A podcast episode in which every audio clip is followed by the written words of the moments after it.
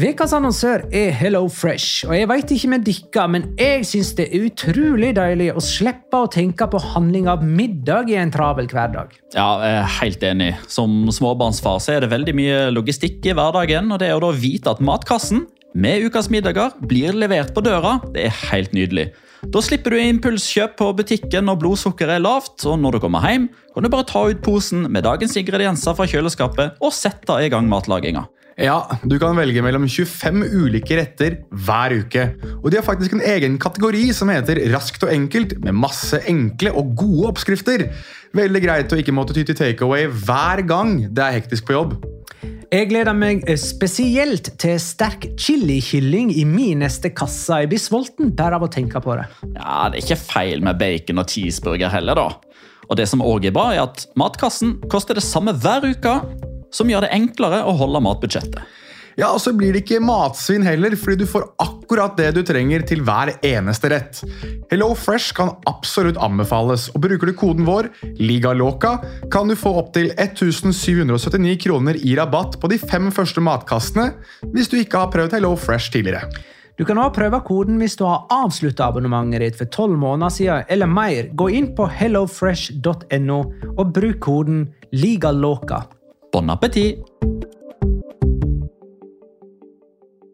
Hallo? Jeg kommer fra Oslo politikammer. Ine Jansen er purk. Er du purk? The motherfucking bitch. Alt jeg vil, er å finne ut hva som skjedde med mannen min. Jon Carew. Er jeg sikta for noe? Iben Akeli. Det er du. Ole So, Lars Berrum og Big Daddy Karsten. Hvem sin side er du på, egentlig? Anette Hoff, Tone Danielsen, Kommer du fra Afrika? Jørnis Josef, Nesten. Kløfta. Trond Espen Seim. Det er synd å si det, men det var feil mann som døde. Purk. Premiere tirsdag på TV2 Play.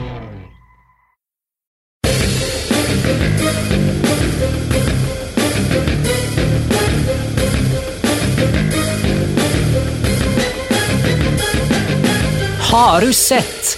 En ny sesong starter om knapt tre uker, og jeg tror den forrige er ferdig nå, men jeg er ikke helt sikker. Sevilla har i alle fall runda Europaligaen noen ganger, og vi vet at det blir 20 La Liga-lag kommende sesong. Men hvor mange det blir i sekunder, det kan variere fra runde til runde. La liga loca. En litt gærnere fotball. Ja, ja, ja. wow. Dette er La Liga Loca, episode 127 av det ordinære slaget med Jonas Giæver, hei. Shalom! Petter Veland, hei. In the home. Og Magnar Kvalvik, hei. Halla, Magnar. Hei, Magna. Hei. Jonas, har du lyst til å si noe innledningsvis? Ja, sånn at jeg ikke glemmer det. Uh, stor uh, shout-out til Jens, som er uh, nybakt Kadis-supporter. Uh, etter å ha fulgt de nå eh, denne opprykkssesongen her. Han møter meg konstant når jeg sitter utenfor Starbucks i Torgata, eh, så jeg lovet en shout-out. Han var hva for noen supporter? Kadis. Kadis. Blitt Kadis-supporter, Mm. eh, så han skal følge de tett eh, i år. Og så er det en som eh, har, har eh, hva skal jeg si for noe, det, det uhellet med å være fra Galicia og følger Deportivo la Coronia, eh, Manuel, som eh, jeg, Hver gang jeg ser ham på treningssenteret, så, og han ser meg, så rister han bare på hodet og ser utrolig skuffa ut. og følger jo Fornlaget kanskje tettere enn noen andre, så vi håper at Det er ikke får- over ennå. Det er jo ikke over, og det blir sikkert aldri over heller, men vi Ses- håper at det blir en fin sesong uansett da, for Deportivo la Coronia. Sesongen er ferdig for Deportivo La Coronia, men eh, de kan fortsatt eh, overleve i, i Segunda, eh, selv om de på papiret har rykka ned. Ja. Der har du opphavet til vårt navn, La Liga Locca. Det blir mer om ja, Segunda Kaos versjon 2 eller 3, eller hva for noe, som eh, Jan André Muras-Hagen skriver til oss. Mm. vi, skal, vi må vel også snakke litt om eh, Barcelona og det som skjer der. Det er jo en føljetong. Vi snakka om det forrige, helg, eller forrige mandag, og må snakke mer om det i dag. Ja, vi må snakke om playoffen som var ferdig i går. Og så vil Petter at vi skal snakke litt om hvordan klubber som Real Madrid, Atletico og Barcelona skal få mest mulig ut av de stjernespillerne de kjøpte forrige sesong. Azar, Felix og Grismann. Jeg eh, tror vi er inne på tematikken for dagens episode. der. Vi må nesten begynne med å gratulere Sevilla. da. med nok en eh, europaligatriumf. Eh, Jeg må si eh, altså Én ting er deres evne til å vinne Europaligaen hvert bidige år, men en annen ting er det der med å snu kamper. Det er jo helt eh, absurd. Jeg tenkte da de lå under 1-0 mot Inter, at denne gangen klarer de vel ikke å snu det. Jeg tenkte at denne gangen så klarer de det igjen. Jeg tenkte at jeg, Jeg var litt sånn som Magnar. Jeg tenkte at Nå møter de et lag som er litt for godt til at de klarer å snu det, men så gjorde de faen meg det en gang til. Skal vi begynne med Hajir Arak sitt spørsmål? Den eh, uttalen der får han ha meg unnskyldt. Hvor, romantisk er det å avslutte eventyret for Evar Banega med enda et uh, europaligatrofé? Og så følger han opp. Er ikke det enda mer romantisk når Jesus Navas vinner Europaligaen igjen 13 år, etter 13 år med Sevilla? Jeg vil si det, eh, og det handler jo for min del litt Eller først og fremst om at jeg er rett og slett pissed på Eva Banega akkurat nå. For han skal til På samme måte som at jeg faktisk er pissed på Santi Casola. Hvordan kan de finne på å reise dit nå? Når de er, be altså de er nesten bedre enn noensinne. De er på høyden av karrieren rent sportslig med tanke på hvor gode de er, hva slags utfordringer som venter kommende sesong. Ja, ok, Casola bestemte seg kanskje for dette her før det ble klart at uh, Villarreal skulle ut i Europa League, og de hadde en kjempegod avslutning på sesongen. Sikkert si det samme om Banega, som kanskje ikke så for seg at de skulle bli nummer fire, og at de skulle ut i, eh, i Champions League neste sesong og vant Europa League igjen. men Altså, dette Midtøsten-greiene har jo nå gått fra å være en siste paycheck de siste to årene av karrieren når man er passert middagshøyden, og vel så det til at spillere faktisk drar dit når de er, når de er i sin prime. Jeg tror at For Casorla sin del så er det jo mer akseptabelt. altså, den tida han har hatt så veldig mye skader, og man vet jo ikke helt hva status kommer til å være fra sesong til sesong for hans del. Så i, i hans tilfelle syns jeg nesten han er litt unnskyldte. At han drar for å få den siste paychecken som du snakker om her, Petter. men Ever Banega, da, som spille, skulle ha spilt da Champions League, vinner Europa League, som Petter påpeker kanskje er bedre enn noen gang, ser ut som han endelig har begynt å finne seg selv litt til rette et sted. At han på en måte ikke er altså skal jeg si for noe sånn, At han alltid ser etter en bedre klubb eller en, noe bedre. da. Altså, han, det virk, han virket så komfortabel i, i Sevilla, og så kom det sikkert det monstertilbudet fra Midtøsten. og Jeg har alltid vært pådriver for det at vi må huske på at dette er folk som ja, tjener veldig mye penger, men samtidig er ambisjonsrike i arbeidslivet i det at de vil tjene mest mulig penger på det som er en veldig kort karriere. Så jeg skjønner dem jo. Det er jeg helt enig i, Ja, jeg- men og jeg det tilbudet hadde kommet fra Banega om et år eller to òg. Jeg vet det, og du, jeg vet at du vet det her. Du og jeg er jo ganske enig i akkurat det aspektet her, men man, samtidig så er det jo den der, for oss som er utrolig glad i La Liga utrolig glad i de spillerne, så gjør det ekstra vondt da, å se at de forsvinner nå som de virkelig, virkelig, virkelig ser så gode ut. Ja, ja, så virk, virker det jo på måten Banega oppfører seg på på banen, at han er jo ikke akkurat eh, det er jo ikke sånn at han føler seg mentalt ferdig heller, Nei, ser det nei, ut som. Altså, eh, I og med at det, det er fortsatt så mye Eva Banega igjen i Eva Banega, at han benytter jo anledningen i sin siste tellende kamp for Sevilla til å hisse på seg Antonio Conte å spørre om håret hans er ekte, eller om det er en parykk. Ble det noen slåsskamp mellom Conte og Banega etterpå? Jeg har ikke sett Banega i etterkant, så jeg vet Nei. ikke. Nei, kan godt være at eh, Men, men skal vi dele ved en annen karakter her, da? Vi må jo nesten ta Julian Lopetegi. Altså sånn, Den der reisen han har hatt de siste to åra, er jo spinnvill. Jo, men den, den har vi jo for så vidt hatt, men rørende å se fyren i sånn herre uh, ukontrollert grining. Ja. Uh, gå rundt og bare tørke tårer mens han sakte, men sikkert blir dehydrert av deis. Ja, altså, jo, men altså, eh, Vi snakker jo naturligvis sikkert om den samme videosnutten, disse 20-25 sekundene fra signalet går. Man griner og griner Når han først griner. blir eh, håper jeg, eh, klemt i en sandwich av eh, assistenten og den fysiske treneren. Og så er det Oliver Torres, og så er det en ung gutt. Men de fire-fem skrittene før han nærmest faller inn i favnen til Luke de Jong Mm. Fy faen, så vakkert! Men jeg tenker jo, for hans del, hvis du regner det fra 2018 altså Han var jo altså Spania så utrolig sterk ut inn VM 2018, og så skjedde jo alt med Real Madrid. og så ble han jo nærmest altså Han ble jo en karikatur på sidelinja for Real Madrid, for han hadde den derre eh, stempelet på seg for å liksom nesten være sånn landssviker da, eh, inn etter det der eh, som skjedde med Spania, og så var han elendig i Real Madrid. Og så tok jo Sevilla en sjanse da han på en måte var persona non grata nesten litt i Spania og ble en sånn type som hadde ødelagt hele karrieren sin på seks måneder.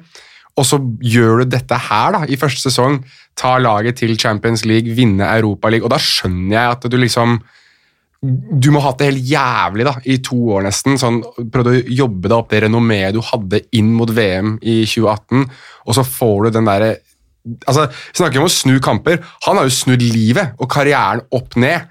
Det, er jo, det, det syns jeg nesten er det største eventyret, sammen med Jesus Nava. selvfølgelig da. Ja, altså En annen faktor her også, som jeg tror gjør at hele greia blir litt større for han og trenerteamet, er jo hvor lang den sesongen har vært. Ja.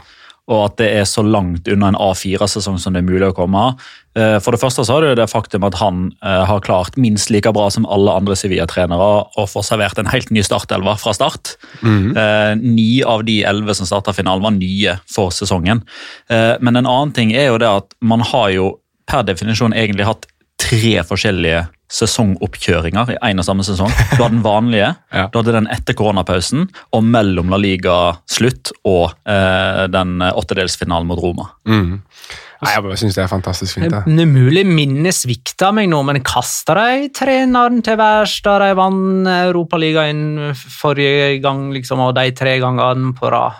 De må ha gjort det, vel. Det kan godt hende de gjorde det, men det føles jo som en slags gjenreising for uh, Julian Loppetegen. Og spillerne kaster han til værs og han får den uh, hyllesten som han gjør der etter å ha vunnet Europaligaen. Liksom. Jeg må få skutt inn uh, Så du den snutten med han og Thomas Watzlek? Fikk du sett den, Magnar? Ja, jeg har sett den. Den de synes jeg- sitter på uh, Den nydelig. seierspodiet, holdt jeg på å si, Ja. når alle andre har gått. Lopetegi var jo andrekeeper i Real Madrid og Barcelona. Hadde jo, den der, han hadde jo karrieren sin i Logroñez for det meste, men han var liksom alltid valg nummer to. da. Så han kunne på en måte sette seg inn i den situasjonen som Thomas Watzlek sikkert levde i da, med at han var ikke keeper i en finale, selv om han hadde vært førstekeeper i store deler av sesongen. Og så har Yasin Bono bare vært helt outstanding i, i Europaligaen. Men den, den der lille snutten der hvor du ser Lopetegi sitter og holder rundt han og snakker med han og liksom prøver å øh, altså vise litt oppmerksomhet til ham da, som andrekeeper. Jeg syns det er noe litt sånn romantisk over det òg. At det er på en måte jeg var deg en gang i tiden. Jeg, liksom, jeg forestiller meg at Lopetegi sier til Vatslik at jeg, jeg vet nøyaktig hvordan du har det. Og sånn synes jeg Jeg blir litt sånn rørt av sånt, ja, da. At man øh, Kanskje han sa sånn Jeg veit hvordan du kommer til å ha det, for at nå vil Varslik være andre keeper bak nå. Ja. eh, Men tror du det? Tror- Eh, Ja, nå må jo Sevilla kjøpe han først, da. De eier han jo ikke engang. Nei. På lån fra Girona. Ja. Og Girona rykket jo ikke opp. Det gjorde de ikke. Uh, nei, vi kommer tilbake til det Ja, Luke de Jong. Snakk om å svare på tiltale. Så eh, ja, hva skal vi si? Det, ble jo snakk om at det var liksom en genistrek da, å sette inn Luke de Jong i stedet for Enesyri fra start i denne finalen. og jeg mener Han skåra to mål i første omgang, så eh, et smart trekk var det. Men jeg, tenkte vel ikke umiddelbart eh, når jeg så lagoppstillinga at eh, ja, det er smart. Her passer Luke de Jong. og Han leverer. Vet du hvem som var sistemann til å skåre to mål i en Europaligafinale? Falcao. Så på spørsmålet som har gått hele sesongen her, er, altså, er Alvaro Morata mer Nicola Kalinic enn Falcao? Vi kan jo nå svare det er Luke de Jong som er mest Falcao av alle. For han har jo gjort noe Falcao også gjorde. Så der har vi jo der, til alle som har lurt, Luke de Jong er nærmere Falcao enn Kalinic. Kanskje det er han Atletico Madrid skulle henta istedenfor Alvaro Morata. Um, Vo spør jeg, eller at evig blaugrana. Det høres jo ut som en Barcelona-supporter, men dette er et Sevilla-relatert spørsmål. Hva skjer videre i Sevilla? Det var spillere på lån som reiser tilbake, eh, og så har du jo mange spillere som er i kikkerten til storklubber, eller større klubber, får vi si. Hvordan skal Monchi og Lopetegi fortsette suksessen? Vi kan jo ta det som er liksom hogd i stein. da. Eh, Vi har jo snakka om Banega allerede. Han er jo borte. Eh, han skal eh, til Saudi-Arabia. Ja, Al-Shabaab, vel? er det? Ja. Um, og så er jo Sergio Regilon bare på lån, og det er jo ingen troverdige rapporter som tyder på at Sevilla kommer til å bla opp det han koster. Der lukter det mer Premier League. Chelsea, Everton, Arsenal Ja, Chelsea signerer en annen. Ja, Chilwell. Ben, ben, ben Ja. Chilwell, ja. Um, men det er i alle fall lite som tyder på at han eh, fortsetter der. Um, ellers så er det vel ikke så veldig mange av de som er nøkkelspillere der som det er et spørsmålstegn rundt, med unntak av at det jo nå naturligvis, som det alltid gjør, flyr pengesterke gribber eh, fra spesielt England, men òg Tyskland og Italia, som har eh, fått nok et bevis på at eh, spillere blir mye bedre når de spiller for Sevilla. Eh, Men jeg vil jo tro at eh, den lagfølelsen, den teambuildinga som Sevilla har hatt nå i løpet av den perioden i Tyskland, egentlig bare har forsterka det inntrykket man allerede hadde om at dette her er en veldig sammensveisa gjeng. Ja. Dette er ikke tidspunktet å reise videre på. Jeg tror den gruppa som er der nå, har veldig lyst til å se hvor langt de kan nå i Champions League. Eh, Og den spilleren som jo kanskje var aller heitest før disse Europaliga-kampene, har jo gjort alt som står i sin makt for ikke å være attraktiv lenger, med Diego lager straff i hver kamp, Carlos. Nå er det jo Jules Condé som liksom blir snakka Ja, skyhøyt opp, og nå altså vi, Husker du Eibar-kampen borte? Så ut som en full mann på dekk. Det er, det er ni måneder siden at han spilte en av de verste La Liga-kampene jeg har sett av en forsvarsspiller noensinne. Og Vi har også snakka om at han har vært eh, høyre kant på slutten av eh, kamper der Sevilla jakter skåringer. og at liksom, Hva er det Monchi har gjort her? Monchi veit. Men kan, kan, vi, kan noen besvare altså jeg, jeg har sagt det her hele sesongen. Jeg skrev også det på Twitter. Jeg, jeg regner med at jeg har sett, Du ser jo alt, Petter, men jeg regner med at jeg har sett 90% av kampene til Sevilla den sesongen. Kanskje 95 til og med. Jeg klarer ennå ikke å si hvilken, hvilken posisjon Jules Condé egentlig altså Han settes opp som midtstopper, men han spiller jo ikke der mesteparten av tiden. Han er jo overalt. Jeg klarer ikke liksom Han skal være stopper, greit, men er han det? Han ja, Han er jo en eh, skal vi kalle det for en moderne stopper, da, som ikke gjør det han ja. i utgangspunktet blir lært opp til av eh, gamle stopperkjemper som snakker på TV. Og så har man jo òg det faktum at han er så ekstremt målfarlig, men ballen går rett og slett ikke inn. Altså Expected goals for Jules Condé på dødballer. altså Hvis han hadde hatt noe som helst av effektiviteten eller målfarligheten til Sergio Ramos, da hadde vi allerede snakka om en potensiell salgsverdi på 100 millioner euro. altså.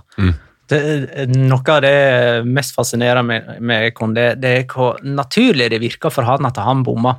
Altså, han, han holder seg aldri for ansiktet sånn Nei! Han bare reiser seg opp og springer med det. Helt naturlig ansiktsuttrykk. Bomma igjen, jeg. Ja, ja. Same procedure as every time. Men en ting som allerede er hogd i stein, det er jo Jeg syns jo det er litt ran, ja, da. At eh, AC Milan har klart å selge Sosa for 24 millioner euro til Sevilla. For det var jo det som var avtalen, at hvis Sevilla klarer å kvalifisere seg til Champions League, så blir Det var jo en obligatorisk kjøpsavtale der, Magnar. Eh, Ja, hvis han kom, hvis de kom hvis til kom til, Champions League. Champions League på 24 millioner euro. Ja. Og den trår jo da i kraft. Altså, det er jo den tingen vi allerede vet, at Soso blir permanent eh, Sevilla-spiller. Men det er mange Jeg føler at hvis du, hvis du må erstatte Ever Banega, det tror jeg er en ekstremt vanskelig jobb. De har ingen Det nå. tror jeg faktisk blir en lettere Tror du det? Ja. Hvem tror du skal inn der, da? Det blir selvfølgelig, og nå legger jeg hodet på blokka, det blir selvfølgelig Ivan Rakitic. Gi meg Ja. god grunn til at det ikke skal bli Ivan Rakitic. Lønning. Han vil tilbake. Det ofrer han. Ja, tror du det? Det er jeg okay. veldig sikker på. Hvis, hvis han ofrer lønninga si, så er jeg helt enig med deg. Da, da, Han ofrer ikke lønninga si, men han går nok ned i lønn. Men det må han vel uansett om han blir Ja, han værende får betalt i Sevilla òg, Han jo- mye. Han er, jo, han er jo en av de som har fått en telefon fra Ronald Koeman ifølge spansk presse i dag, mandag, som, på at han ikke skal satses på videre. Så det, det ville jo gitt veldig mening, og det har jo vært et rykte som har gått nå i hva da, to år, at han skal tilbake til Sevilla. Ja, jeg så jo også at Nettavisen i dag viderebrakte en video fra eh, El Chiringuito, som hadde en sånn live-variant eh, underveis og etter eh, Europaliga-finalen til eh, Sevilla. Og der er jo Ivan Rakitic med på direkten, eh, fordi han er så glad for at eh, Sevilla har vunnet Europaliga. Eh, og han eh, uttaler vel på et eller annet tidspunkt at han skal feire med å ta seg et bad etterpå. Og så ber programlederen om, som da ikke var José Pedrerol i det tilfellet her, så ber om, ja, send oss et bildebevis etterpå. Og så bare, nei da, bare se her nå. Og så gir han kamera til fruen, som er der, også, og så hopper han uti med klær på. For han var så glad for at Sevilla vant. Så der og da ble jeg helt sikker på at han skal tilbake, og han veit det. Nå ble jo den eh, 3-2-skåringen eh, eh, kredite- kreditert Lukaku, da. Men eh, etter at Diego Carlos liksom har laga straffe mot Wolves, Manchester United og så Inter, så er jo på en måte hans eh, bidrag til i den 3-2-skåringen med på å skyte opp prisen litt igjen. Altså, en spillerverdi har vel ikke bølga så mye under dette sluttspillet eh, Ja. som det Diego Carlos sin har. Og så legger jeg òg merke til at vi fortsatt har en vei å gå med å gjøre Sevilla og La Liga sånn landsomfattende interesse, for du verden så ræva Diego Carlos var, ifølge Twitter, i løpet av de kvartfinalene og semifinalene og Eller kvartfinale, semifinale, finale. Det var, liksom, det var verdens verste midtstopper. Den dårligste midtstopperen som hadde spilt i fotballhistorien. Eh, Og det å i etterkant av det forsøke å forklare at ja, men han var faktisk ganske god eh, i La Liga Nei, han er ræva! Ja. Fikk jeg tilbake. Den har jeg fått en del ganger òg. Jeg hadde jo en sånn tråd hvor jeg hadde de fem heteste salgsobjektene fra spansk fotball. Jeg hadde jo Carlos nummer én. Folk må jo tro jeg drakk maling før jeg skrev det greiene der. Men jeg mener det fortsatt, og jeg mener fortsatt at han og Lucas Ocampos, til tross for at Ocampos egentlig ikke hadde noen sånn kjempefinale Han var jo Ah, skada. Og det var jo en ting, Jeg er jo en av de idiotene som gjør sånn, men jeg satt jo og så hele treningsøkta til Sevilla. Den ble jo lagt ut. Eh, altså hele økta i forkant av finalen.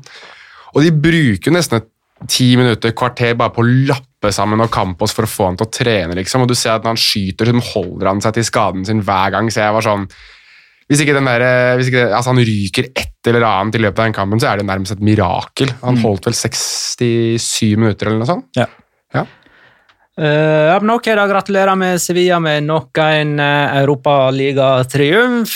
Uh, vent litt, de uh, Er det sånn at de muligens får utsatt seriestarten, eller? De på grunn av- får sanns- sannsynligvis det, for de har jo nå fått to uker ferie. Det vil si at de er tilbake igjen på treningsfeltet 7. september, eh, og La Liga start er vel da 12. september. Eh, Det kommer neppe til å bli bekrefta før terminlista kanskje blir sluppet på torsdag. Vi snakker jo alltid med forbehold når det gjelder formelle ting eh, og offentliggjøringer i regi av det spanske fotballforbundet eller La Liga. Men terminlista skal etter planen komme på torsdag denne uka her.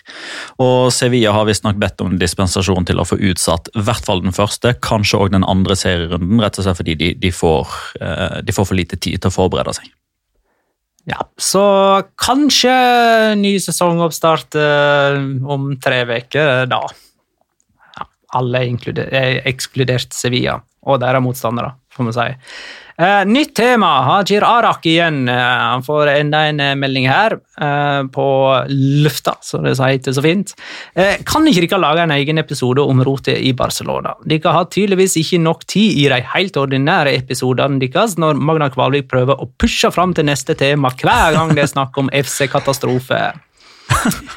Vel, det er jo en føljetong, da.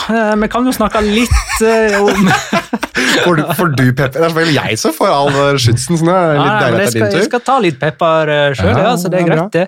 Eh, Ronald Koman er jo bekrefta nå, da, siden sist. Eh, I forrige episode så visste vi det jo ikke helt eh, sikkert, Eh, men nå er det i alle fall bekrefta, og Sivert Holm spør hvordan tror dere Koman vil sette sammen sin elver?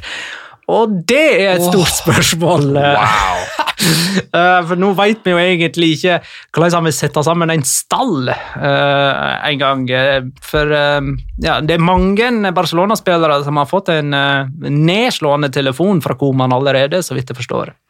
Ja, det har jo vært I dag så har visstnok Ronald Koeman ladet opp teleskrittene og ringt verden rundt for å si fra til spillere om at de ikke er ønsket noe mer. Altså, det er vel jeg vet aldri om det er Rac-On eller Rac-Ono eller Ras-Ono eller hvordan du uttaler den der katalanske radiokanalen. Eller rakk, Det tror er, jeg. det er Rac, ja. Ja. Ok, Uansett. For det er jo Radio et eller annet Catalonia. Ja, nettopp. Eh, Rac Ono, sier jeg da, uh, har jo i dag rapportert om at fire spillere har fått beskjed, og det er uh, Samuel Umtiti, eh, Luis Suárez, Ivan Rakitic og hvem var sistemann nå? Arturo Vidal. Arturo Vidal, selvfølgelig. Som alle har fått beskjed om at de ikke er ønsket med videre. At de kan ny, nå titte etter nye klubber. Og Det som er interessant her, er jo at med unntak av Umtiti, som har treårsavtale, så er resten kun på ett år igjen av sin kontrakt, som gjør at eh, det er vel mulig å få dem solgt for relativt lave summer. Jeg vet at eh, Luis Suárez er koblet med en retur til Ajax, f.eks. Uh, vi nevnte Ivan Rakitic her nå, som eh, kan gå tilbake til Sevilla. eh, og det virker nesten sånn, slik som du beskrev det her, Petter, at han hadde feira Sevilla-seier. Mens Arturo Vidal konstant kobles til Juventus, nei, Juventus ja, til Inter grunnet at han spilte i Juventus med Antonio Conte, men nå kommer det jo an på om han blir værende der, først og fremst. Eller så kan det jo fint være at uh, jeg kan forestille meg at Arturo Vidal er en sånn type som drar til Midtøsten eller Kina eller noe sånt for å tjene en siste gigantisk paycheck før han uh, sikkert skal tilbake og spille en sesong i Chile. Eller. Ja, og så har vi også sett en, en økende trend. Enn så lenge ikke i Atletico Madrid, Barcelona eller Real Madrid, men i veldig mange andre klubber. Hvis man har spillere som har ett år igjen av kontrakten og som er på høy lønn, så kommer man ofte til enighet om at man terminerer kontrakten. Uh, og da blir enige om at man betaler ut en viss sum av den lønna man hadde tjent hvis man hadde blitt der et år. For Det viktigste for Barcelona her er å bli kvitt de store lønningene for Mm. spillere som de mener ikke har all verden som bidrar med den kommende sesongen. Det eneste er, eller ikke det eneste da, men det jeg tenker nå, når du eh, framstiller det sånn at eh, Koman har eh, lada tellerskrittene og ringt Jeg skulle svært gjerne vært flua på veggen på kontoret til Koman på hvordan han oppførte seg. Om han liksom satt og psyka seg opp før han skulle ringe, eller om dette bare var beina på bordet og dette her er verdens helt, helt naturlige ting. Så bare, Hei, Louise. Det. Skulle bare ringe og si at eh, du er ferdig. Snakkes. Du, Han er nederlender, altså. Han hadde jo i sin tid en sånn der gående feide med Louis van Hall da han trente Ajax. Det var, jo så, det var jo så ille. Louis van Hall var jo sportsdirektør, og Ronald Koma var trener. Og de to krangla jo så mye at Louis van Hall til slutt satte opp sånn feltstol ved siden av på treningsfeltet bare for å se på alt Koeman gjorde. så han er jo ikke redd for en krangel. Nei, Nei, sant? og Det er jo derfor han har fått jobben òg. Det er Ja. min teori. Det er en av grunnene til at han Ja. har fått jobben. For de telefonene tar han. Ja, Ja, og i Valencia så berga han Baraja og Canizari sparken. Midt i kontraktstiden. Det ble jo rettssak og greier der.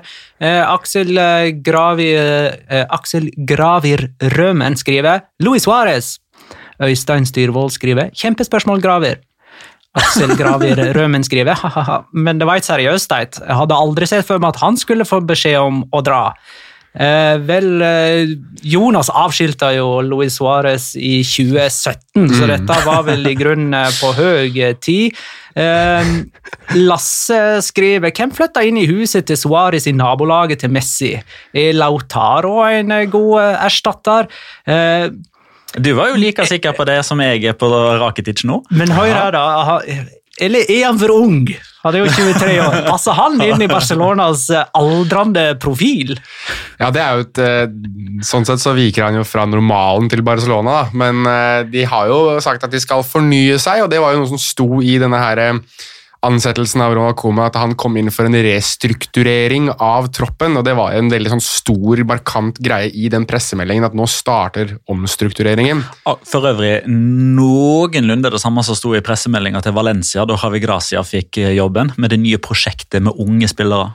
Forskjellen er at du, du klarer å tro litt på Barcelona, mens det er ingen som tror på noe Valencia sier lenger, uansett. Eh, det er så vidt da, at man stoler på noe av det Barcelona sier òg, men uansett, da, for å ikke skli helt ut her eh, Jeg tipper at eh, hvis de får fjernet veldig mange av de lønningene, så, så har nok Barcelona mer penger enn det de veldig ofte lar uh, altså de, de har en sånn rar strategi, virker som Barcelona, hvor de nesten alltid får det til å virke som de ikke har penger, og så gjør de et eller annet stort på overgangsmarkedet uansett. Det er en sånn, Dette her har vært i mange mange år, altså sånn 10-15 år tilbake, hvor det kom en sak i Mondo Deportivo eller eh, Sport eller hva det må være med at Barcelona må selge for å kjøpe, for eksempel, fordi at de ikke har penger, men så har de egentlig en del penger.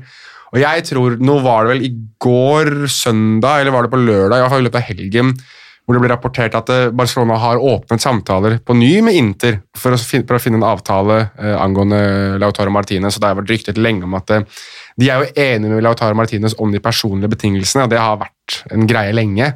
Så jeg vil jo forestille meg det at eh, nå vil de ha fjernet mest mulig av det du kan kalle daukjøtt. da. Jeg syns det er litt respektløst mot typer som Ivan Rakitic, Arturo Vidal eh, og Luis Suárez, men de vil ha vekk de, de aldrende stjernene på høye lønninger før de kan da fasilitere overgangen for typer som Lautaro Martinez. Jeg ser også at Donny van de Bake kobles veldig tett nå, at det står iallfall to eller tre steder. Om at det er en av de Ronald Koeman tenker at kan være interessante å hente til, eh, til Barcelona. Det tror jeg hadde gitt veldig mening, faktisk. Men uh, apropos Sevilla-spillere som enten spiller opp eller ned verdien sin i europaligafinale, så gjorde vel ikke akkurat Lautaro Martinez det. Nei, han var nok bedre i, i semifinalen mot Shakhtar Donetsk. Ja. Da var han veldig god. Uh, men uh, Saki Nava skriver Selga Coutinho, eller? Jeg vil gi han en ny sjanse. Eh, og jeg vil jo Altså, det har jo lenge blitt eh, både spekulert, og folk har kommet med egne forslag hva de ville gjort hvis de hadde regi i Barcelona osv., men nå kom jo eh, mer eller mindre, eh, på ingen måte offisielt, men eh, ganske mange forskjell, forskjellige kilder som kommer noenlunde samme eh, lista negra, altså svartelista spillere i Barcelona som er på vei ut. Det er de vi har nevnt nå, eh, som visstnok har fått telefon fra Koman i dag. Og på den potensielle lista òg så står jo Jordi Alba, der står Gerard Piquet, der står. Sergio Busquets. Eh, og eh, så fikk man jo samtidig òg eh, name-droppa av Bartomeo på klubbens egen eh, pressekonferanse som ble sendt på hjemmesida. Eh, så var det noen spillere som ble eh, definert som eh, intransferible, altså de er ikke aktuelle for salg. Fredag, ja. Uh, deriblant eh, Ansu Fati og Ricky Pudge, for de ble nevnt i en annen sammenheng og ikke i liksom, den lista som han kom. Osman uh, Dembele også var intransferible. Nelson Semedo var intransferible. Det tror jeg er en Det, Det kan tror- være forhandlingskort. Det tror jeg er forhandlingskort. Det tror jeg er veldig forhandlingskort. Jeg tipper at Coutinho er en av de som ikke settes på den lista, fordi at det er en på høy lønning som ikke har fungert. Og hvis de klarer å finne en løsning på det Jeg regner med at Han er første, han er ikke den som står først på lista over de som skal ut, men jeg regner med at hvis de får et tilbud som er noenlunde, i hvert fall får tilbake noe av de pengene de brukte på ham De får ikke tilbake 180 millioner euro eller hva det var for noe de, de kjøpte ham for. Nei, men jeg, jeg, jeg, tror, jeg tror bare det blir vanskelig. Jeg. Ja, helt, Eh, fordi Bayern München kommer jo ikke til å kjøpe han, til tross for at han har vært en ok bidragsyter. Eh, men jeg kan liksom ikke helt se hvem som skal betale nok, verken for eh, Coutinho eller Grismann. Eh, og samtidig så bor det så det bor så mye fotball i de. Det har de vist over tid andre steder. Eh, de har eh, altså Griezmann har jo bare fått prøve seg én sesong, eh, og som regel i den sesongen så har han på mange måter gått litt i veien for Suárez og spesielt Messi, og ikke helt klart å, å, å klikke sammen med de. Men hvis det nå er sånn, da, som det jo helt åpenbart ser ut som at Luis Suárez forsvinner, så forsvinner jo Messi sin beste kompis utenfor banen og den eh, det sikreste relasjonen på banen. Jeg tror det kan åpne opp noen helt nye muligheter som Ronald Koeman bør forvalte på en bedre måte enn hva f.eks. Ernesto Valverde klarte. Jeg tror både Coutinho og Griezmann kan stå foran en ny vår i høst. Ja da, men det funker, det. Uh, Andrej Helgesen skriver kanskje en oppsummering av det kommende presidentvalget i Barcelona. Hvem de ulike kandidatene er, og hva deres sportslige prosjekt innebærer. Hvordan et nytt styre kan påvirke Koman sin stilling som trener.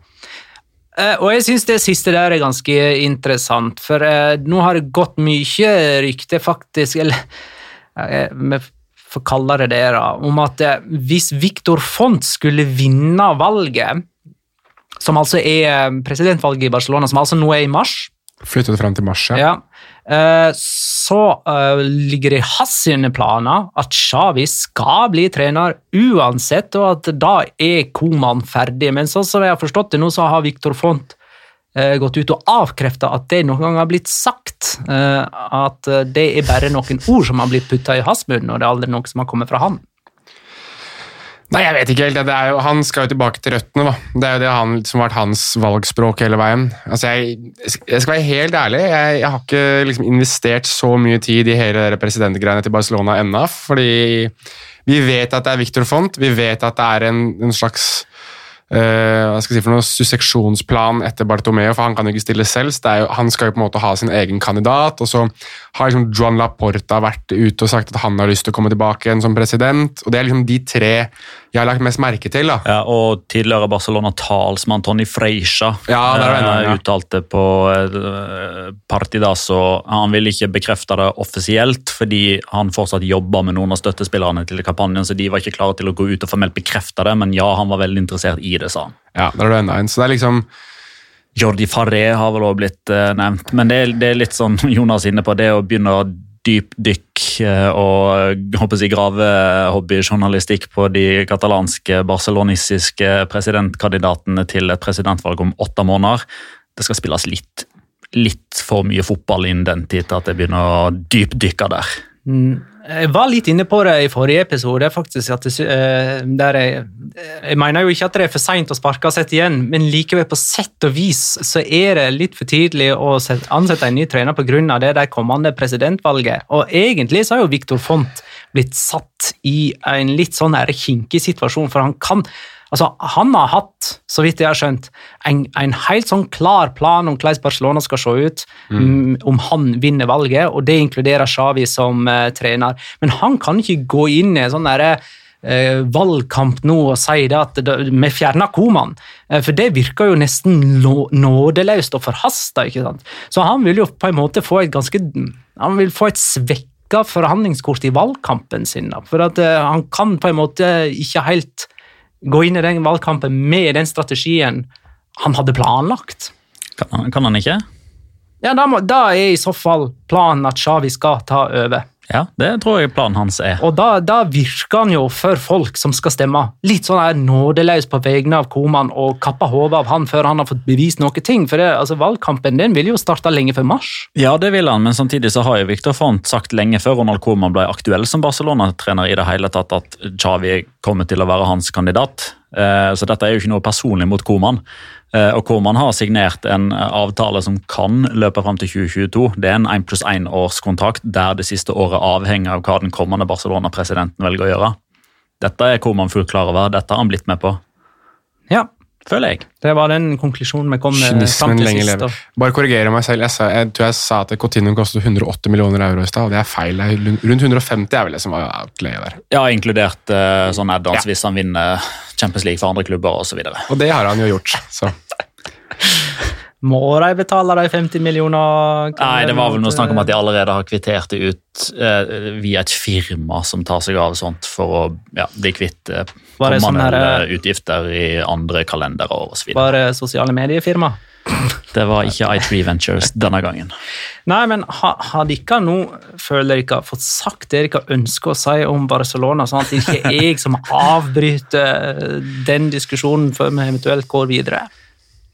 Jeg kommer ikke på noe sånn mer Nei, Det er vel ikke noe sånn- nytt angående Messi heller, men siden sist så blir det jo også rapportert fra åpenbart at uh, Racon har ganske gode kilder innad i Barcelona nå, for det var de som rapporterte at Suarez, nei, jeg, Messi um, avbrøt ferien sin uh, i de katalanske Pyreneer, der han var sammen med egen familie og familien til Jordi Alba og Luis Suárez. Reiste derfra på lørdag var det vel, for å møte Korman face to face og få høre hva slags planer han hadde. og Det ble rapportert i etterkant at Messi skal ha sagt at han fortsatt ikke er helt overbevist om at uh, han blir med på dette. Uh, så det var ganske mange spørsmål som kom til både meg og Jonas, uh, sikkert deg òg, Magnar, hva man tolka ut av det, og om dette betyr noe. Det er et men her du går glipp av. Et men? Det er et men som Messi også skal ha gitt til Ronald Coman. Han anser seg selv mer ut enn inn men forstår at det er vanskelig for han å få en overgang grunnet kontraktsituasjonen hans. Nå, altså. Ja, eh, og i forlengelsen av det så kan vi bare legge denne uttalelsen og denne lekkasjen òg inn under dette såkalte powerplayet. Ja, riktig. Greit. Jeg tror, men, jeg tror, eh, med mindre Petter har noe nå, så tror jeg at du ikke har avbrutt oss, Magne. Nei, det gjør ikke det, men, men, men, jeg må jo bare si det. Det som eh, jeg ser på som den potensielt største faren for Barcelona-supportere, som naturligvis frykter at eller om Messi går, er jo at Jo, men to av de fire som visstnok har fått telefon fra Koman i dag, er kompisene hans, ja. er jo bestekompisene hans i garderoben. Det er Suárez og det er Vidal. Men, det, men, vi må også huske på det at eh, Messi har jo selv vært ute og ment og meldt veldig mye angående Lautaro Martinez. da. Så hvis han får han inn, så har han jo også på en måte i, i forlengelsen av dette powerplayet kanskje også klart å spille inn en type han tydeligvis har lyst til å spille med. Så han må Du kan ikke få i både pose og sekk, Lionel. Sånn fungerer det. Må han jo trøste kona òg, da. Antonella, som er bestevenninna med frua til Suárez. Ja, det blir bestevenn. Nå må vi videre. Kan du avbryte oss nå, vær så snill? uh, I La Liga neste sesong finner vi nykommerne Uesca og Cádiz, som rykker opp eh, fra Segunda divisjon. De ble henholdsvis nummer én og nummer to. Og Elche, som ble nummer seks, og som slo Girona i playoffen Eh, med ja, Det ble 0-0 i første kamp, og det sto 0-0 i andre kamp helt til det var spilt seks minutter på overtid. Eh, og da skåra Peremia.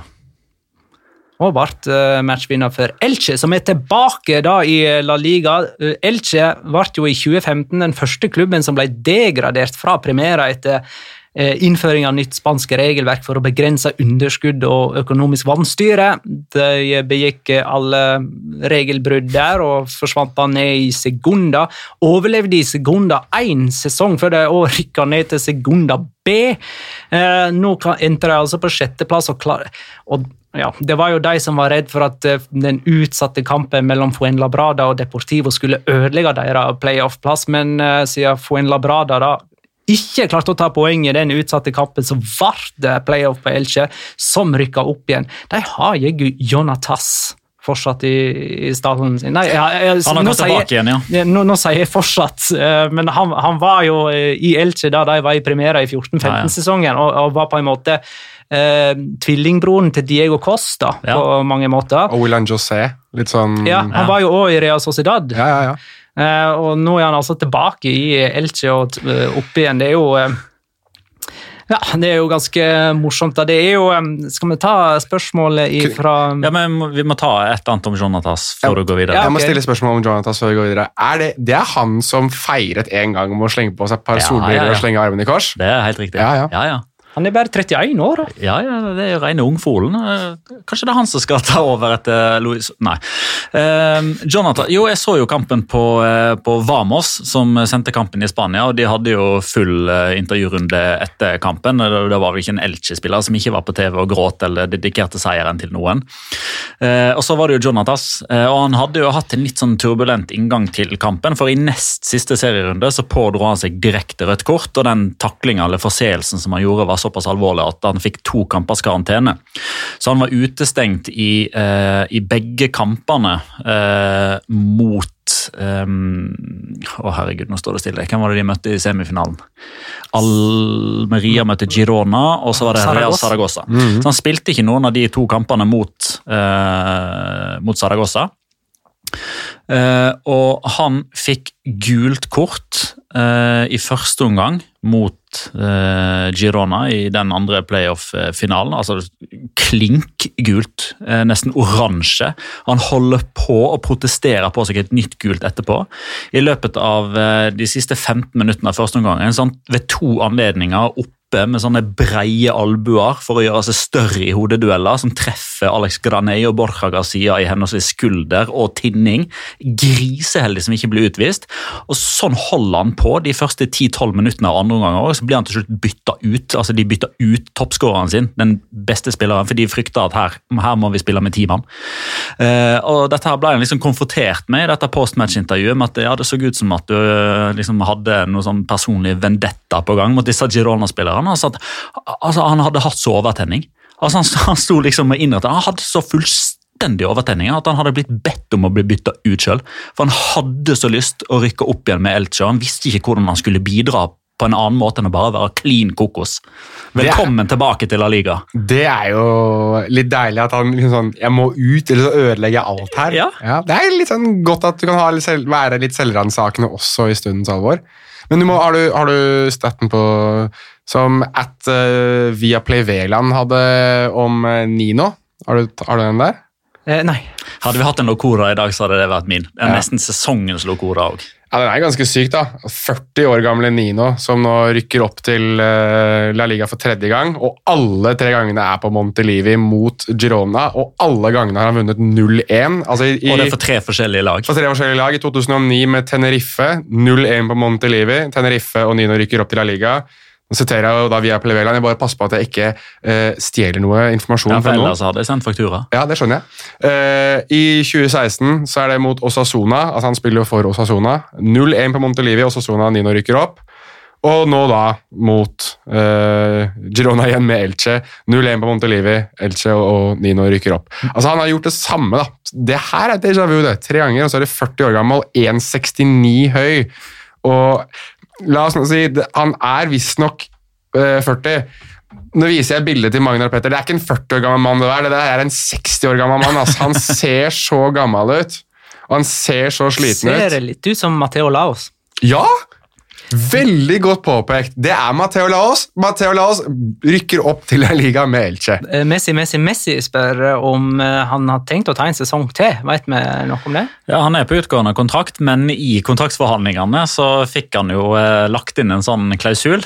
Hvis vi rykker opp, så får jeg automatisk ett år til. Og det ble bekrefta av presidenten på et radiointervju seinere. Så 40 30 år eh, til neste år, da, 41 år gamle Nino, har nå muligheten, hvis jeg ikke husker helt feil, å bli tidenes eldste La Liga-spiller, foruten han 52-åringen som spilte den ene gangen Real altså Sociedad mangla 72 spillere, eller hva det var for noe på 50-tallet.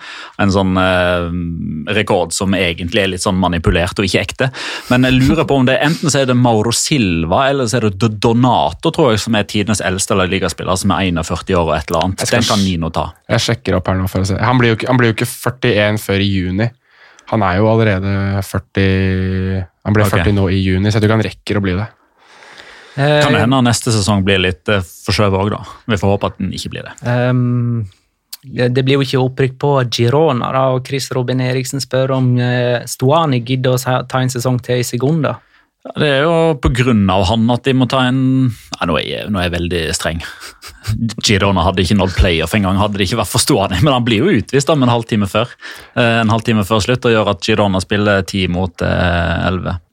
Jeg håper noen plukker han opp. Jeg håper noen eh, Kanskje han kan slå følge med eh, Bono til Sevilla. Den eldste her er, eh, bare for å skutte inn, eh, beklager for å avbryte her, men eh, Amadeo Carboni skal visstnok ha spilt da han var 41 år gammel for Valencia i 2006, og så er det jo da Ricardo som sto i mål for Osasuna mot Real Madrid i 2013. Han var 41 år og 5 måneder, eller så skal du tilbake igjen til da 1935, der Harry Lowe for eh, Real Sociedad var 48 år gammel. Er Donato eldste målskårer, da? eller? Det kan godt være, det vet jeg ikke helt, men det står i hvert fall han, han er nummer syv på lista her. Juan Carlos Valeron også er eh, på den lista her over de eldste. Men Jan André Moraz Hagen vil altså ha mer om Segunda Kaos 2-0, eventuelt 3-0, eller ja. Eh, hvor mange eh, lag spiller i Segunda neste sesong? Vet ikke.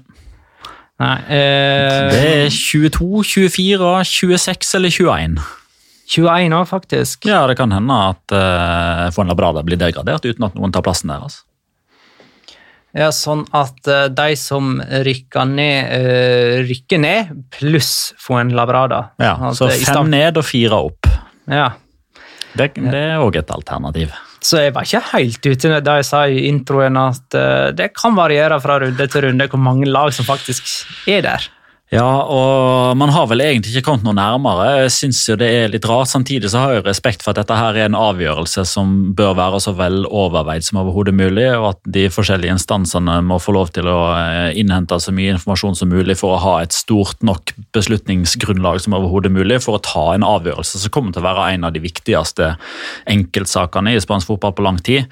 Eh, Siste nytt i denne barnehagekrangelen er jo at eh, det spanske fotballforbundet har tydd til fake news-teorien på Twitter ved å eh, sitere en artikkel i Sport eh, som eh, henviste til en eh, resolusjon fra en eh, dommer i konkurransekomiteen i det spanske fotballforbundet, der La Liga hevder at de ville utsette Fuenlabrada Deportivo og andre kamper i den siste serierunden pga. covid-19-utbruddet, og at de ville da suspendere alle disse kampene for at det ikke skulle bli uh, urettferdige vilkår for noen lag i eh, kampen om opprykk eller nedrykk.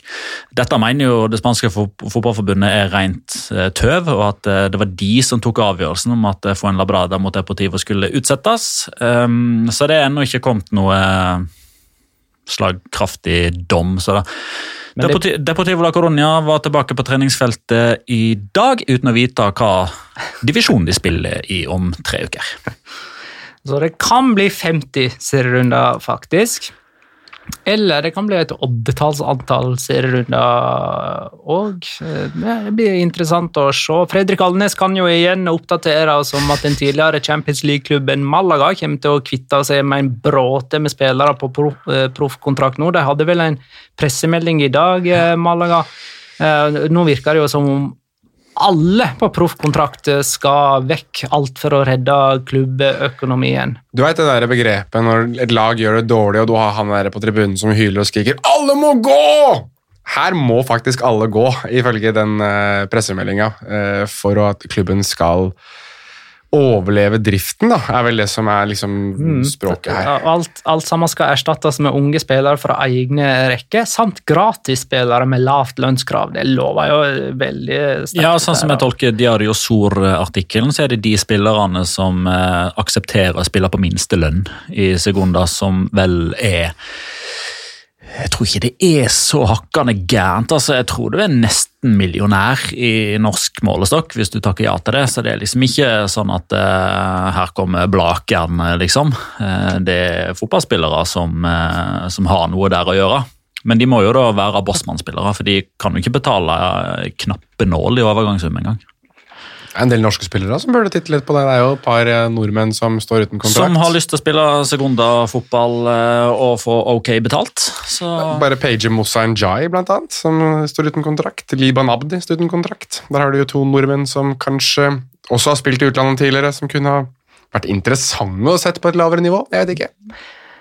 Jeg tenkte vi kunne bevege oss videre.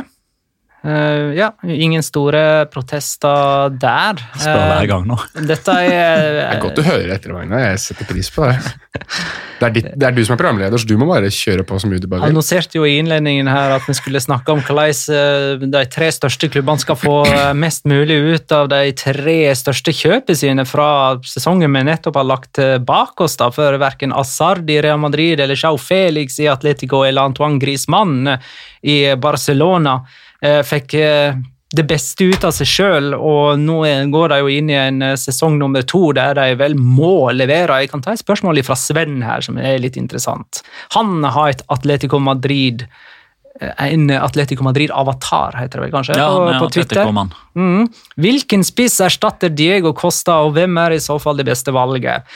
Og Han ramsa jo da opp muligheter som Cavani, Luis Suárez eller Raúl de Tomàs, RDT. Men jeg tenker Er ikke det eh, tid for å gi Jao Felix en ny rolle? Er ikke det liksom Kan han tre inn i en slags Diego Costa-rolle og spille der sammen med f.eks. Morata, og være liksom en tier-typ? Kan jeg få lov til å svare først på hvem jeg seriøst derfor hadde vurdert som den erstatteren til Diego Costa? Jeg, jeg tror vi skal svare det samme nå. Ja, jeg, men jeg er seriøs med det her. Altså. Ja, det er jeg òg. Ja. Skal vi ta det på tre, da? eller? For å se om det er det samme? Ja, skal jeg, teller, jeg teller til tre, og så svarer dere. sant? Ja, men vi, vi må passe på at dette, dette her er helt seriøst, ja. liksom. Okay, ja, ja. ja, Én, to, tre. Alexander Sørloth. Vær så god. Ja. Eh, jeg tror Petter sa Louis Suárez. Det sa jeg. Mm, til å ta, eh, ta, plass i Atletico Madrid, som erstatter for Diego Costa. Ingen mm. Joao Felix sin rolle der, altså. Nei, men jeg føler Joao Felix uh, bør spisses inn i ei annen rolle. Uh, som en venstrekant som drifter innover. Um, Fordi du syns han var veldig god i den rollen i Champions League? Ja, og i Benfica, og uh, ikke minst uh, så fikk han omsider brus litt med fjærene mot Leipzig når han kom ja, inn. Han var kjempegod. Uh, da starta han bredt ute til venstre. Jeg føler han er best når han kan være med på å diktere, ikke når han er håper jeg, i det siste leddet.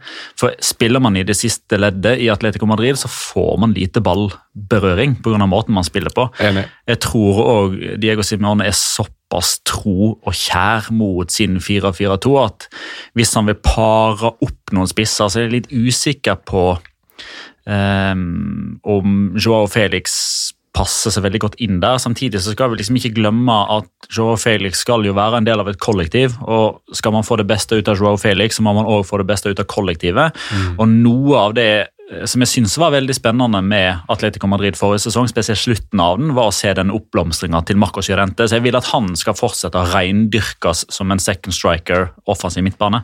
Ja. Og at man ikke skal putte Joao Felix der. Så du vil at de skal spille 4-2-3-1 med at de har en, to brede kanter og så en second striker, eller en, en ganche, som sier på argentinsk.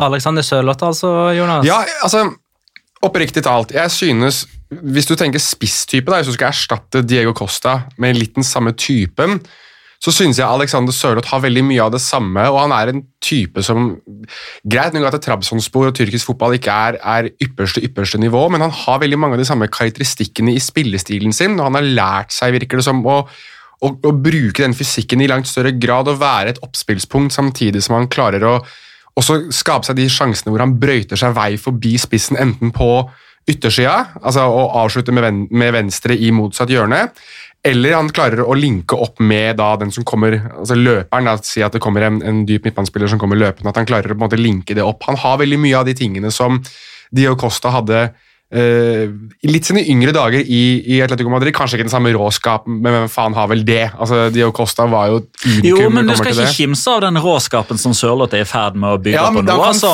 når han går Med eh, clinch med Emre, greiene. Ja. og måten han eh, avgjør eh, eller setter prikken over i-en i den tyrkiske cupfinalen alene med Ja, ja, ja. keeper. Altså, det, det oser sjøltillit av gutten. Ja, nettopp. Jeg tror altså, sånn spillestilsmessig og i veldig mange av de karakteristikkene har også defensivt at den kan være en, en, en faktor på defensiv dødball, som vi vet at er veldig viktig for Diego Simione. Jeg tror at det hadde vært spennende. ass. Jeg, altså jeg sier, jeg tror at eh, Nå vet jo alle hva jeg tenker om Alvaro Morata, men jeg tenker at man må satse på han. Altså Når du har betalt så mye penger for han, så må du satse på han, og jeg tror at han får en enda viktigere rolle som ikke bare eh, førstevalget på, på spissplass, men også lederen i angrepet nå som Dio Costa forsvinner. altså Han kommer til å være en leder på treningene osv. Hvis han da har Sørloth litt bak seg til å begynne med, kanskje, som pusher han, og som har en del av de samme fysiske egenskapene, og som, som jeg tror kommer til å bli bedre, så kan det være interessant å se dynamikken de to imellom. Jeg skulle likt å sett Alexander Sørloth i, i Atletico Madrid slik de spiller nå, men jeg tror han går til eh, RB Leipzig, som er ryktet om nå. Eh, når det gjelder Antoine Griezmann i Barcelona, har ikke du, Petter, egentlig skissert litt eh, hva du tenker om at han skal få en ny rolle der? Eh, spesielt nå med, med Suárez som går ut. Eh, og at det kan da løfte Griezmann. Har du lyst til å bare oppsummere det du sa litt tidligere, sammen for får inn i det segmentet her også? Ja, altså meg, eh, i likhet med mange andre, sikkert dere to òg, syns eh, Antoine Griezmann har spilt sin beste fotball de siste årene sentralt i banen. Han slo gjennom som venstrekant i det Real Sociedad når han var ung og fremadstormende, og så ble han eh, spissa inn som en mer eh, jeg vet ikke om det er riktig å kalle det for falsk ni, men han, han starta jo ofte som spiss, en av to spisser i Atletico Madrid. Eh, og der hadde du jo eh, for eksempel da, eh, De spilte jo ikke sammen alle sesongene, men de, de hadde jo et eh, ganske bra samarbeid, Griezmann Diego Costa. Når du har én mann som strekker i bakrom, og du har én mann som er litt mer den som er eh, mottaker av ball langs bakken, og som skal få ting til å skje, legge en på ett touch og kombinere. Eh, Jeg ser eh, virkelig for meg at Griezmann, Coutinho, Messi, Ansofati kan være et fantastisk firkløver der framme hvis de klarer å utvikle relasjoner, hvis de klarer å spille på en måte som gjør at de ikke blir for offensive, at de ikke tar for mye risiko, at de ikke blir for store rom og dekker defensivt. Eh, For én ting altså Luis Suárez, bare for å avslutte kapittelet om han, da, han har fortsatt et veldig godt målsnitt. Han bidrar fortsatt med sitt i Barcelona, men manglene hans begynner å overgå det han tilbyr. F.eks. det presset som han i sin tid hadde, er jo helt borte. Hver gang eh, Barcelona mister ball, så er det ni mann som forsvarer seg, og en av de er keeper. Og Det, begre- det begrenser hvor mye rom en keeper kan dekke. Suárez står, Messi står. Messi er greit. Det har han gjort hele tida, med unntak av hvis han føler at han har muligheten til å vinne ball akkurat i løpet av de neste to-tre sekundene. Du har kanskje i dagens fotball lov til å ha én mann som gjør sånt, og det kan være Messi, men du har ikke råd til at det er to. Og Suárez eh, sammenlignet med Griezmann defensivt er natt og dag. Så Hvis du da får Griezmann inn, som bidrar i det defensive presset i tillegg, Messi med sin frie rolle, Ansu Fati som er litt mer den bevegelige typen, som kan pushe inn bakrom, være litt sånn som Pedro var i sin tid, strekke og åpne motstander, og Coutinho som da får litt mer ledig plass i dette mellomrommet hvis de blir, blir brukt riktig, så syns jeg det virker uhyre spennende. Eh, Så eh, litt sånn nye roller foreslår vi til Sjau Felix i Atletico og Antoine Griezmann i eh, Barcelona. Hva er da med Asard i Real Madrid? Da har vi vel mer kosthold- og livsstiltips. Nytt liv, det. ja, må holde seg skadefri. er vel kanskje det første. Altså, han har jo vist i Real Madrid at han har noe når han, når han er i driv, er vel det, det jeg heller vil si, når han, når han begynner å komme litt sånn i spillehumør, så er han jo den beste spilleren Real Madrid har. Det har han vist, synes jeg, i, i, i- sum av de tingene han har levert. og Spesielt det der partnerskapet han tidvis viste med Karim Benzema. Det var jo tidvis magisk å se på. når de virkelig, Spesielt det var vel første eller andre kampen etter koronapausen, vel, var det ikke da? Hvor de virkelig altså spilte ballen i Var det mot Eibar, var det ikke det? Hvor de var sånn helt sinnssykt gode å se på. Jeg tenker at Hvis du klarer å rendyrke altså, den rollen, og han klarer å spise noe annet enn hamburger og pommes frites, så tror jeg, tror jeg det blir veldig veldig bra. Bare for å uh, legge litt til på den Griezmann-punktet. Ronald Koeman har jo allerede eller så For et år siden så holdt han jo, var han i et program på nederlandsk TV der han snakket om rollene til veldig mange av Barcelona-spillerne. Og Han mener jo at både Frenkie de Jong og Antoine Griezmann er blitt brukt i feil roller, så jeg tror vi kommer til å se Hvis, de i nye hvis roller. du vil få ut det beste av spillerne, så må de spille i sin beste posisjon. Der, det var det han sa, nettopp. Og det mente han da at Antoine Griezmann og Frenkie de Jong var bevis på at ikke hadde skjedd. Mm. Jeg har lyst til å ta spørsmålet til Erling Gamst. Um, Har ikke trua på at de gamle traverne i Real Madrid skal klare å dra inn La Liga-tittelen, eller burde Perez ha henta inn noe litt mer erfarent enn Ødegaard og Ceballos? Han henter jo ikke inn Ceballos, han skal vel ut igjen, mest sannsynlig. Ja, det kommer, ja, Han er i alle fall kalt opp til pretemporada, og så skal Zidane bestemme seg i etterkant. Men en frisk eh, og rask Assad eh, på et bedre kosthold enn hamburgertallerken eh, vil jo være en forsterkning i seg sjøl, hvis, hvis man får det beste ut av det. Like Ja, ja. a brand new signing, er det ikke det Eder Hazard hadde vært? Men de vant, altså, kan vi ikke være såpass ærlige og si at Real Madrid vant jo egentlig av Liga uten Eden Hazard? Ja. Så, og da mener jeg jo det at hvis de faktisk får ham til å fungere, så har du jo strengt tatt nesten en ny spiller i den troppen der, og så har du Ascensio blir jo òg en ny spiller Der denne har du enda en, ja. Og så har du Vinicius som er ett år eldre, så har du Rodrigo som er ett år eldre. Federico Valverde etter Federico. Valverde. Ødegaard kommer tilbake med 30 La Liga-kamper i bagasjen. Jeg regner med at den ene spilleren, eller den, den de mangler, er potensielt en avlaster for Karim Benzema. eh, Fordi Luka jobber Ja, det er noen som lurer på hva skjer med han. Men, Nei, Det virker jo som at uh, altså Real Madrid er veldig opptatt av at det er altså såkalt uh, amortisering. Uh, Wow, der, der så du for første gang at Petter norskifiserte et spansk begrep. Amortisation. Ja, Ja. det der du hva det betyr? Eh, og, altså, og, og tjene inn igjen det du har brukt på overgangen. da.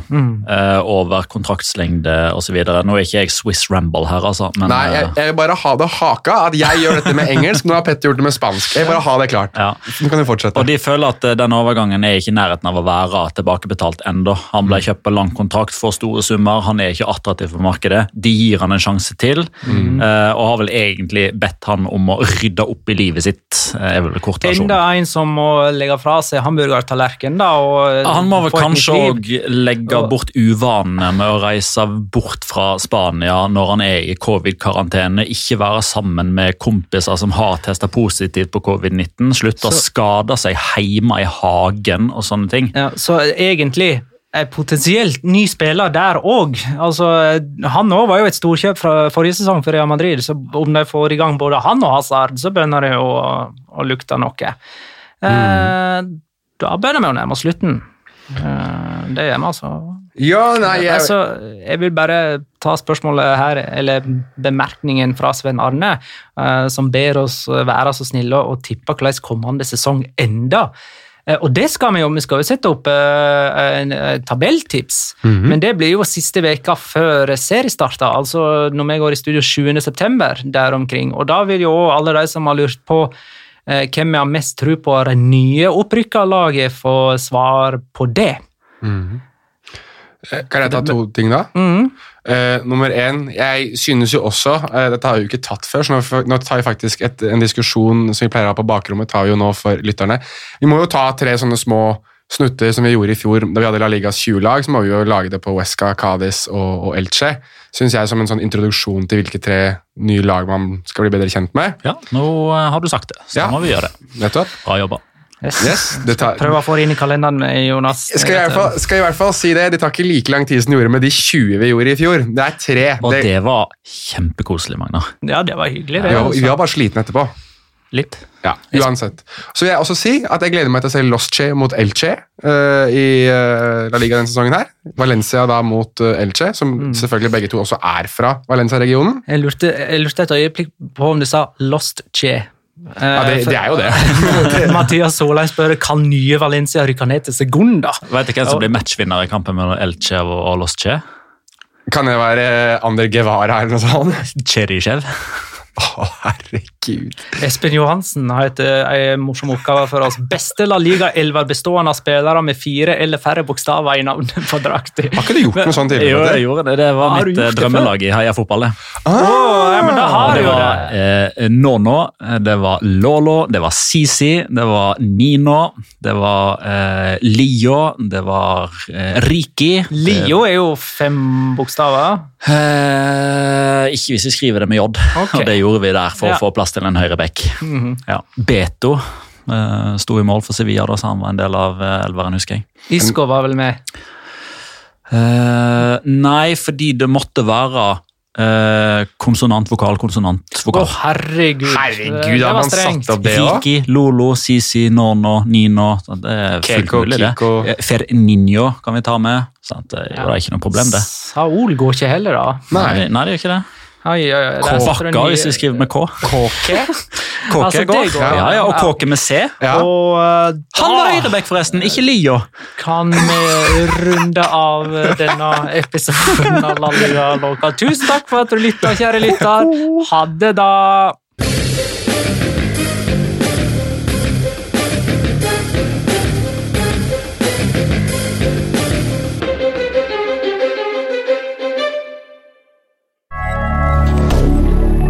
Moderne media. Har du et enkeltpersonforetak eller en liten bedrift?